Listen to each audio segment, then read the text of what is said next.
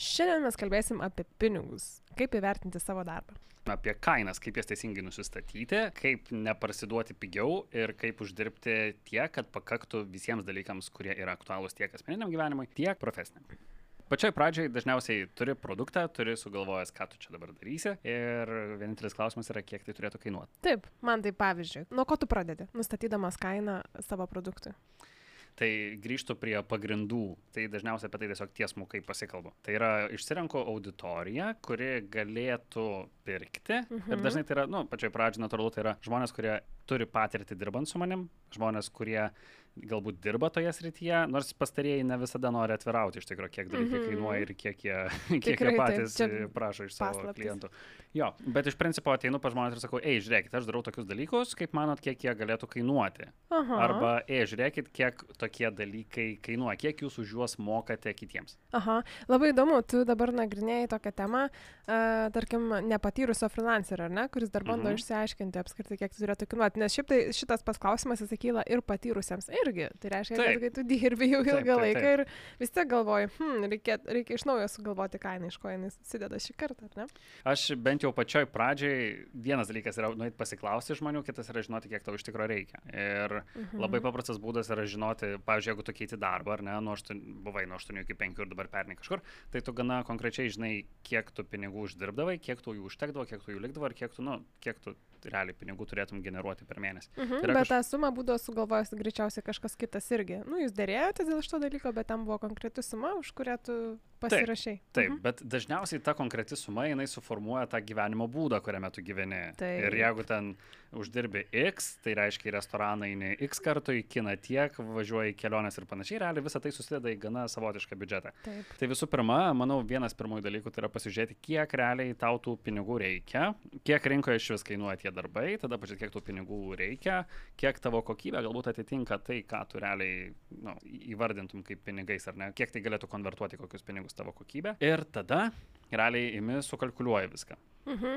O man tai tu esi daręs tokį kaip ir eksperimentą, pasižiūrėti, tarkim, kiek tu uh, iš akies nusprendi, kiek tau, kiek tau kas gyvenime kainuoja ir paskui pasižiūrėjęs realią situaciją, tarkim, mėnesį, vedęs visas savo išlaidas. O taip. Aha, taip. ir koks buvo santykis šito? Tai čia yra vienas geriausių dalykų, kurį gali daryti, mano galva, finansinė prasme, ne tik freelanceris, o bet kuris kitas žmogus. Ir tai turbūt tinka ne tik finansam, bet realiai pasižiūrėti, kaip tiksliai sugebi įvertinti finansus. Kiek Mhm. šiuo atveju pajamas, ar ne? Jame sugalvoja, kad o štai uždirbsiu sumą X. Mėnesio gale pasižiūrė, kiek tu iš tikrųjų uždirbai, išsivedi procentais, kiek tu teisingai tą buvai padaręs. Tai Mhm. yra tekę konkrečiai labai mums komandai, kai dirbom Na, turėdavom atvejus, kai organizuodavom renginius ir galvodavom, o kiek mes iš tų renginių uždirbsim. Daugmaž suvedam Excelį, už, susidedam maržas, visą kitą ir šaunam, tada padarom renginį, pasižiūrim, viskas baigėsi ir paaiškėja, kad uždirbom tik tai 20 procentų to, ką tikėjomės. va prašau. Ar ne, ten vietoj 10 tūkstančių uždirbom 2. Tai perkam 5 kg grikio, toliau, toliau, Ir toliau ieškam viską- kito kliento. ir ieškom kitų klientų, bet realiai tai reiškia, kad mes sugebam įvertinti visas aplinkybės tik tai 20 procentų tikslumu. Aha, kaip įdomu. Bet, vat, pavyzdžiui, kai tu norėdamas, tarkim, argumentuoti savo kainą, tai ar tu gali argumentuoti išlaidomis, kad ateini- pas klientą?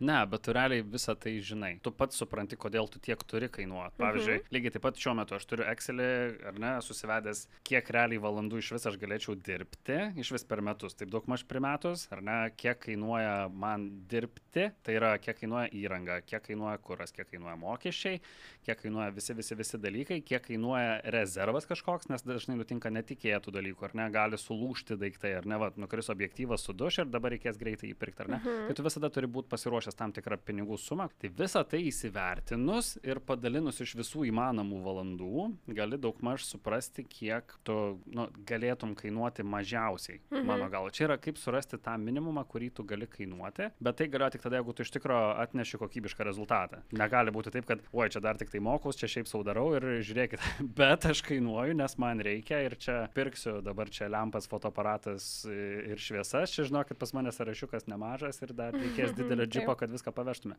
Tai va, tai man tada iš karto kyla klausimas.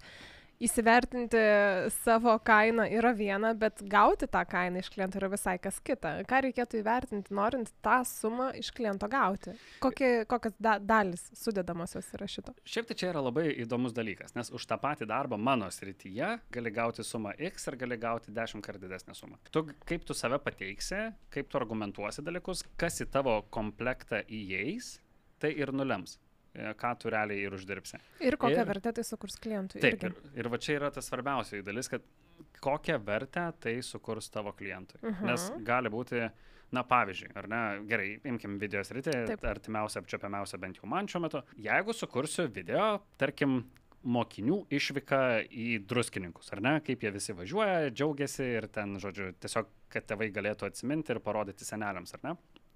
Tai šito dalyko vertė, jinai yra gana subjektyvi ir jos niekaip neiškonvertuosi į pinigus taip labai objektyviai. Ne? Tiesiog visi pažiūrėjo visiems fainai ir linksma, tai realiai už tai, tarkim, nučardžinti, tai yra įkainuoti visą tai kokiais 5000 eurų, nu nelabai. Bet jeigu kuri pardaviminį video, kuriai nors įmoniai, didesniai įmoniai, kuri turi didelės apyvartas, didelius kanalus ir kuri parduos dėka šito video, tarkim, produkcijos už 100 tūkstančių eurų, tai gali tikėtina, kad kelti biudžetą į didesnį. Ir netgi galbūt gali tai argumentuoti pardavimo metu, kodėl šitas video šiek tiek kainuoja, ar ne, mhm. kokią naudą jisai suteiks, kodėl jisai bus toks, koks jisai bus, nes dažnai čia reikia daugiau ekspertiškumo negu tik laikyti kamerą, o realiai tai yra pasikalbė su klientu, išsiaiškini rinką, išsiaiškini visus poreikius, išsiaiškini praeities failus ir panašius dalykus, visą tai susidėlioji ir tada jau pateiki daug geresnį rezultatą. Ir dėl to biudžetas natūraliai yra daug didesnis. Galbūt mhm. netgi komanda didesnė samdysi šitam dalykui. Mhm. Ar galioja šitoje vietoje nusiteikimas, kiek tu nori uždirbti? Daug arba mažai? Manau, kad taip, nes pagal tai tu ir klientus rinksit. Mhm. Nes realiai, jeigu tu nori uždirbti mažai, nebelabai gaudaisi ten platesniuose dalykuose, tai tikrai keliausi e, jokių būdų nenuvertinant, ar ne, nes visur reikia meistriškumo ir meistriškumas yra gilinamas kiekvienoj savoje srityje, bet tada ir keliausi, tarkim, filmuoti renginius, filmuoti kitus kažkokius dalykus, ar ne, galbūt kaip tik specializuojasi pardavimuose ir žinai, kaip tinkamai pateikti produktą, idėją ar kitus, kitus aspektus, kurie yra aktualūs įmoniai, ar ne. Bet aš vėlgi grįžtu, kad visur yra nuostabių progų patobulėti ir nu, suspindėti, nes realiai net ir fiksuojant tą patį renginį, tu gali užfiksuoti jį taip, kad jisai bus patrauklus ir potencialiems rėmėjams, ir klientui, ir galbūt žiūrovams, kad nu, tiesiog visus palies. O gali būti, kad tiesiog sufilmuosi visų šypsenas ar sufotografuosi realiai, nu, okei, okay, žmonėm fainai, prisitagint save Facebook'e, klientas galbūt irgi sakys, nu, gal ir puiku, bet realiai naudos iš to galbūt bus mažiau mhm. negu galėtų būti. Tai realiai meistriškumui erdvės yra visur, už visą tą vertę galima imti pinigus, bet manau, kad uh, nusiteikimas, kiek tu nori uždirbti, su kuo nori dirbti, nes visi klientai yra skirtingai pajėgus mokėti ir turi skirtingus mastus. Tai manau, šitas irgi žaidžia nemažą rolę. Gerai, bet o kaip tavo visi buvę prieš tai darbai padeda tau pačiam savo kainą įvertinti dabartyje? Ar tai daro įtaką apskritai? Taip, buvo laikas, kai aš negalvojau, kad mano darbai gali padėti kažkam uždirbti dar daugiau pinigų taip greitai ir taip paprastai. Uh mhm. -huh. Tokiu atveju, kai tai ir supranti, tai visų pirma gali tapti pardaviminiu akcentu, ar ne, kad štai susikurkite video arba prasiveskite mokymus, kad kažkuris iš šitų produktų jisai, pavyzdžiui, gali padėti pagerinti pardavimus. Ir natūraliai, kai pradedi apie tai galvoti, tai realiai iš tikrųjų atsidaro tos čakros ir pradedi rasti daugiau akcentų, kodėl, kodėl vartotojas, kodėl klientas, žmogus, kuris pirks tavo paslaugą, kodėl jisai turėtų ją pirkti. Yra, pavyzdžiui, tekę turėti tokį argumentą, mes kai dirbom labiau su komandomis, tai mūsų komanda buvo sulaukus tokio, iš, iš užsienio turėjom mentorių ir sakoma, kaip jūs parduodat, kokie yra jūsų vat, pardaviminiai akcentai. Jis sako, dėka žmonių suartėjimo įmonėje, jie mažiau serga, galbūt ir serga, bet jie mažiau praleidžia uh, laiko namuose ir mažiau simuliuoja, kad serga. Va, prašau. Ir tai konvertuojasi į labai konkretų skaičių darbo dienų. Ir iš tikrųjų jie po to atliko tyrimus, dėka vat, savo visų darbų, kuriuos jie darė, po to galėjo daryti tyrimus ir pamatė, kad iš tikrųjų yra didžiulis skirtumas ir kad tai yra pamatuojama. Tai mhm. Tai kai tu tai žinai, kai žinai tokius mažus akcentus, tu galėjai pas žmogų, kuris tave samdo ir sakyti, štai, žiūrėk, aš tau galiu sukurti vertę X, kartais galbūt net ją gali ir garantuoti. Mhm. Ar ne, jeigu ten biudžetai jau 5 ženkliai, 6 ženkliai, 7 ženkliai, ne, tai tu tikrai už tiek jau surinksi komandą, kuri galės garantuoti kai kurius esminius pokyčius. Mhm. Tai va. A, bet kartais a, didelėm sumom, nu arba, tarkim, didesnėm negu vidutinėm sumom, koja pakiša ir įvaizdžio reikalai, ar ne?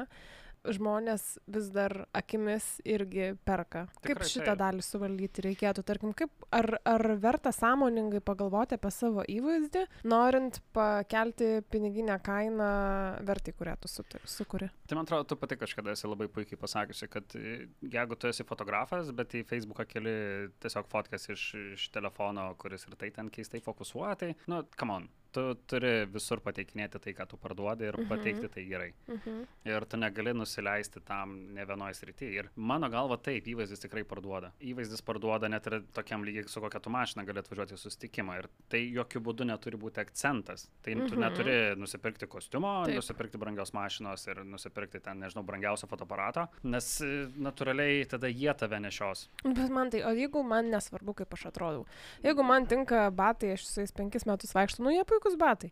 Arba, tarkim, turiu mėgstamą šaliką, vat, nuo vidurinės laikų ir aš išsiskalbiu ir man viskas gerai, ar ne? Per retai nu į kirpyklą ir panašiai. Man taip yra gerai, kodėl dabar kiti žmonės man turi reguliuoti, kaip aš atrodau. Stiliaus dalykai yra labai toks galbūt subjektivus yra reikalas, ar ne? Mums yra gražus vieni dalykai ir manau, kad yra labai slidi riba tarp autentiškumo ir tarp to, kas iš tikrųjų yra efektyvi komunikacija. Arba tas toksai, nu, žavingas išskirtinumas, nes gali būti pats savo menininkas, šamanas, kas tik tai nori, bet jeigu vaikštai visas purvinas mirdė, kad ir kokios vertybės ten gali būti už to, kad ir kokie dalykai gali būti besislepiantis už to, jeigu tu nesugebi savęs pateikti visuomeniai pagal taisyklės, pagal kurias visuomenė efektyviai komunikuoja tarpusavyje, tai natūralu, kad tu praloši. Mhm. Ir kuo geriau tu tas taisyklės išmanai, tuo yra lengviau pateikti save žmonėms. Mhm. Jeigu tu moki efektyviai kalbėti, jeigu tu moki gerai bendrauti, jeigu tu gerai atrodai, tai nes tu supranti, kad dalis žmonių žmonės priima pagal rūbus, nes tu supranti, kad dalis žmonių tave priima pagal tavo automobilį, ne, jeigu tu supranti, kad dalis žmonių tave priima pagal įrangą, kurią tu naudoji.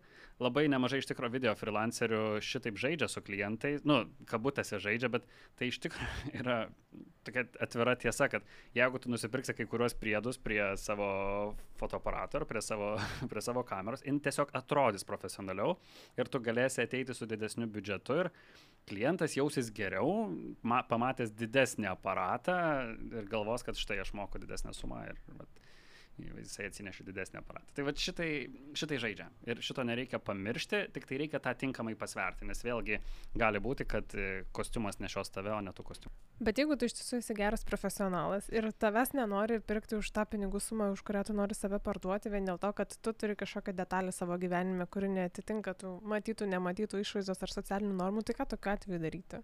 Šiaip aš apie ką galvočiau, tai kad e, that's life. Ir tu turi rasti raktus į komunikaciją su, su žmonėmis. Ir kartais e, tas yra labai tiesmukas toksai momentas, aš nežinau, kiek kartuojasi, bet e, tu turi tiesiai ir paklausti galbūt. Galbūt paklausti gal ne savo to tie, tiesaus kliento, bet pasikalbėti su žmonėmis, kurie yra panašus į kuriuos tu turi savo ratę ir kurie gali tavo atvirai pasakyti dalykus arba pasidomėti. Arba velniopisus juos ir tada koncentruojasi tik į tos klientus, kuriem nesvarbu, koks tavo mėgstinis yra. Jo. Šiaip, Irgi.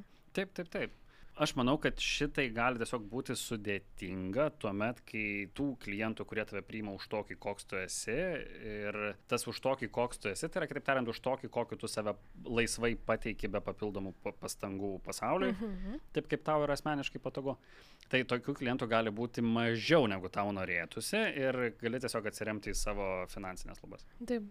O ir tuomet gali dar, jeigu tarkim jauti, kad vyksta dėrybos jau su klientu, kuris kreivai žiūri tavo mėgsinį ir šukas, na, tu dėrybose gali sakyti, ar tai dėl mano mėgstinio? nu, nu, tiesiog, žinai. Šiek tiek sušvelninti, sušvelninti įtampą. Taip, pa, padėti, užsi, užsigerti gurkšnį vandens ir, ir tiesiai šviesiai šito paklausti. Aš manau, kad jeigu tavo yra kreivas mėgstinis, ir, bet tu vis tiek jau sėdi prie dėrybų stalo, tai manau, kad jau... Situacija nebloga. Situacija tikrai nebloga, tikrai Taip. daug geresnė. Gerai, bet kalbant apie dėrybas apskritai, va dabar, reikėtų visai gal pagalvoti apie tai irgi įvertinant uh, savo darbą pinigais, norimais pinigais, kuriuos tu, kuriuos tu ketini gauti. Ir, e, kokią dalį reikėtų užmest ant viršaus, grubiai tariant? Nes vyks, dėrybos vis tiek vyksta. Taip, darybos vis tiek vyksta ir čia yra dar labai toksai slidus reikalas, kad klientas gali imti ir tau pasiūlyti ilgesnį projektą. Ar ne? Tu turi pasiruošęs vieną kainą, ar ne? Ir galbūt jinai visai bus, nu, tokia visai nieko, o klientas štai iš, iš, iš rankovės ištraukia pasiūlymą, o žiūrėk, jeigu dar penkis tokius padarytum ir, a, nebėra kur leis žemyn, nes tu pasiūlyi geriausią, ką tu buvai sugalvojęs. Tai realiai reikia nebijoti siūlyti didesnės kainos, įsivertinti kelis scenarius ir dirbti su scenarijais yra labai gerai. Vat pagalvoti, o kas bus, jeigu bus šitaip, ką aš tada siūlysiu, o kas bus, jeigu bus šitaip, ką aš tada siūlysiu, o kas bus, jeigu bus šitaip, ką aš tada siūlysiu, ar ne? Mhm.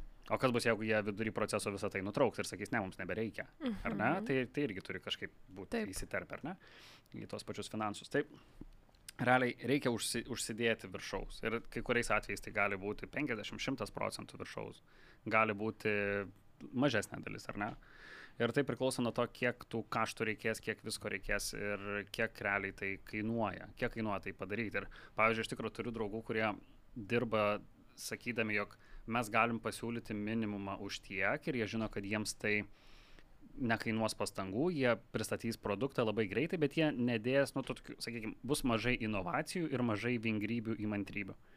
Bet už didesnį biudžetą, jeigu jie jį išloš, jie tada gali pasiūlyti daug platesnį spektrą dalykų ir jie žino, kad jie tai padarys. Mhm.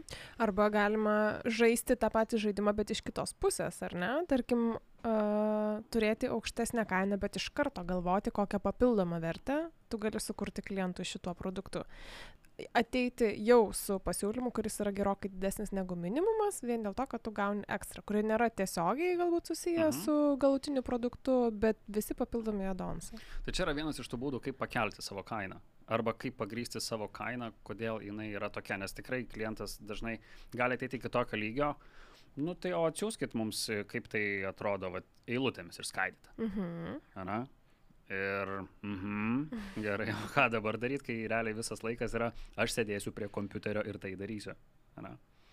Arba, nu, kad tai užtruks ilgiau ar mažiau, vat valandomis prašom mums parašyti, kiek jūsų vat valanda kainuoja. Kiek jūs, karto, kiek jūs laiko galvosite, kol sugalvosite sprendimą. Taip, vat kiek, kiek valandų. Mhm, mhm. Ir čia toks netgi yra labai lengvas paradoksas. Gausis, kad jeigu tu galvosi mažiau, tai reiškia, dėka tavo profesionalumo ir įdirbio tu uždirbsi mažiau. Jeigu pasakysiu, oi, čia man porą valandų mm -hmm. užtruks, ir tu sakys, mm -hmm. o, tai mhm. labai puiku. Arba... It's a trap. It's a trap. taip, taip, taip. Yra, yra būdų, kaip iš to išlipti, bet iš principo yra klientų, kurie labai nori išskaidyti ir kurie labai žaidžia su kaina, kurie labai nori prispausti dėl kainos. Dėl to reikia pagalvoti visus šitos dalykus, reikia apmastyti ir nebijoti iš tikrųjų pasiūlyti daugiau, kad tavo paketas jisai būtų daug daugiau negu klientas tikisi, jisai dėl to gali kainuoti daugiau. Ir šiais laikais mes pardavinėjame nebe save, o mes pardavinėjame pasaulį.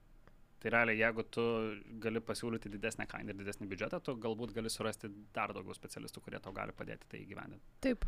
Ir dar gal aš iš tavo pusės galiu pridėti patarimą, kad jeigu matai, kad jau atsiranda tokia rizika, klientas prašo išskaidyti eilutėmis, klientas čia svarsto, kodėl tu tikrai tiek vertas ir panašiai, vis tiek bus pasirašomas sutartis, Mano patarimas būtų avansu irgi pasirūpinti. Dabar, žinoma, kad už dalį darbų jau būtų sumokėta iš anksto, jei tu matai, kad yra rizika, jog vėliau klientas gali turėti priekaištų dėl to, kiek tų valandų iš tiesų praleidai prie darbo. Ir čia yra labai gerai, nes gali būti, kad klientas netgi ir neturės priekaištų, bet, pavyzdžiui, vadov, kliento vadovybė nuspręs, kad nebereikš to projekto. Mhm, ir jie mhm, gali sakyti, ai žinot, mums nebereikš to projekto. Ir tada gaunasi, kad tu kaip ir dirbai aš tai jau dirbau. Taip. Ir, nu, vat, labai gaila. Taip. Tai Esu tai buvusi tokia situacija irgi. Nu, va, tai realiai šituo reikia pasirūpinti ir nebijoti to prašyti, nes dažnai tai yra irgi operaciniai kaštai. Ypač jeigu tau reikia nuomotis įrangą, jeigu tau reikia keliauti, jeigu tau reikia galbūt daryti kažkokius tyrimus, ar ne, kad pateiktum geresnius dalykus. Tai vis tiek yra laikas. Ir jau kalbėjom šiek tiek, kad laikas jo nėra belė kiek šituose metuose Taip. arba šitame mėnesyje ar šitoje dienoje. Jisai realiai yra ribotas ir ribotas, riboti dalykai, kuriuos tu gali padaryti ir ribotai gali uždirbti. Taip. Jeigu viską turi tame savo Excel'yje, tai gali pamatyti, kiek tu kiek tavo valanda iš tikrųjų turėtų kainuoti. Jeigu tu sugalvoji, kad, o, aš norėčiau uždirbti 100 tūkstančių eurų per mėnesį, Tai imi ir skaičiuoji ir tada galvoji, kaip sudėti daugiau vertės į tas valandas arba kaip per tas valandas pagaminti daugiau vertės savo žmogui, su kuriuo tu dirbi, kuriam tu dirbi ir savo kaip kaip specialistui. Mhm. O jeigu apibendrinant visą tai, ką tu pasakai, kaip tu atsakytum į klausimą, kaip įvertinti savo darbą? Tai visų pirma, jeigu tu tik tai pradedi tai daryti ir dar iš vis net nežinai, kiek tu kainuoji ir neturi jokios patirties, kaip save parduoti arba kiek uždėti to kainos lipduką, tai visų pirma pasižiūrėti, kas gyvena rinkoje ir kokie žmonės kiek save įkainoja. Nes irgi skirtingi žmonės skirtingai save įkainoja ir pabandyti paieškoti būdų sužinoti giliau. Tai elementariai, jeigu planuoji užsimti kažkokią veiklą, tai imk ir apskambink visiems ir paklausk, kiek jie kainuoja, ką jie už tai siūlo. Ana? Mm. Kitas dalykas, jeigu tu jau žinai, kiek tu dirbi ir kiek tu uždirbi, tai pasižiūrėti, ką tu gali dar įsprausti į savo, į savo nišą, ką tu dar gali pasiūlyti klientui daugiau kaip tu gali pasiūlyti didesnį paketą už mažiau galbūt sąnaudų.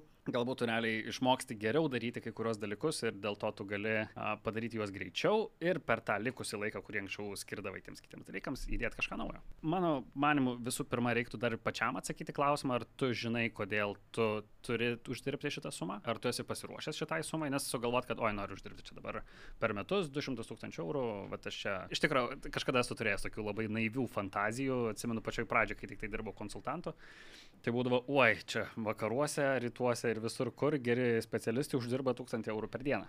Ir realiai tada sėdi savo ir, nu, atsidarykime Excelį žinai, paskaičiuokim, kiek aš čia galėčiau uždirbti, čia reikia, čia netiek ir daug, čia pravesti 100 mokymų ar ten 50 mokymų per metus ir žiūrėk, jau čia labai gerai gali gyventi. Bet realiai pasižiūri po to į situaciją, kas yra pasaulyje, kaip iš tikrųjų tai atrodo, pats net nesupranti, už ką tu tokius pinigus turėtų mokėti, realiai niekada neparsiduodi šitaip. O galiausiai ateina laikas, kai imi ir išaugi kitų sumų.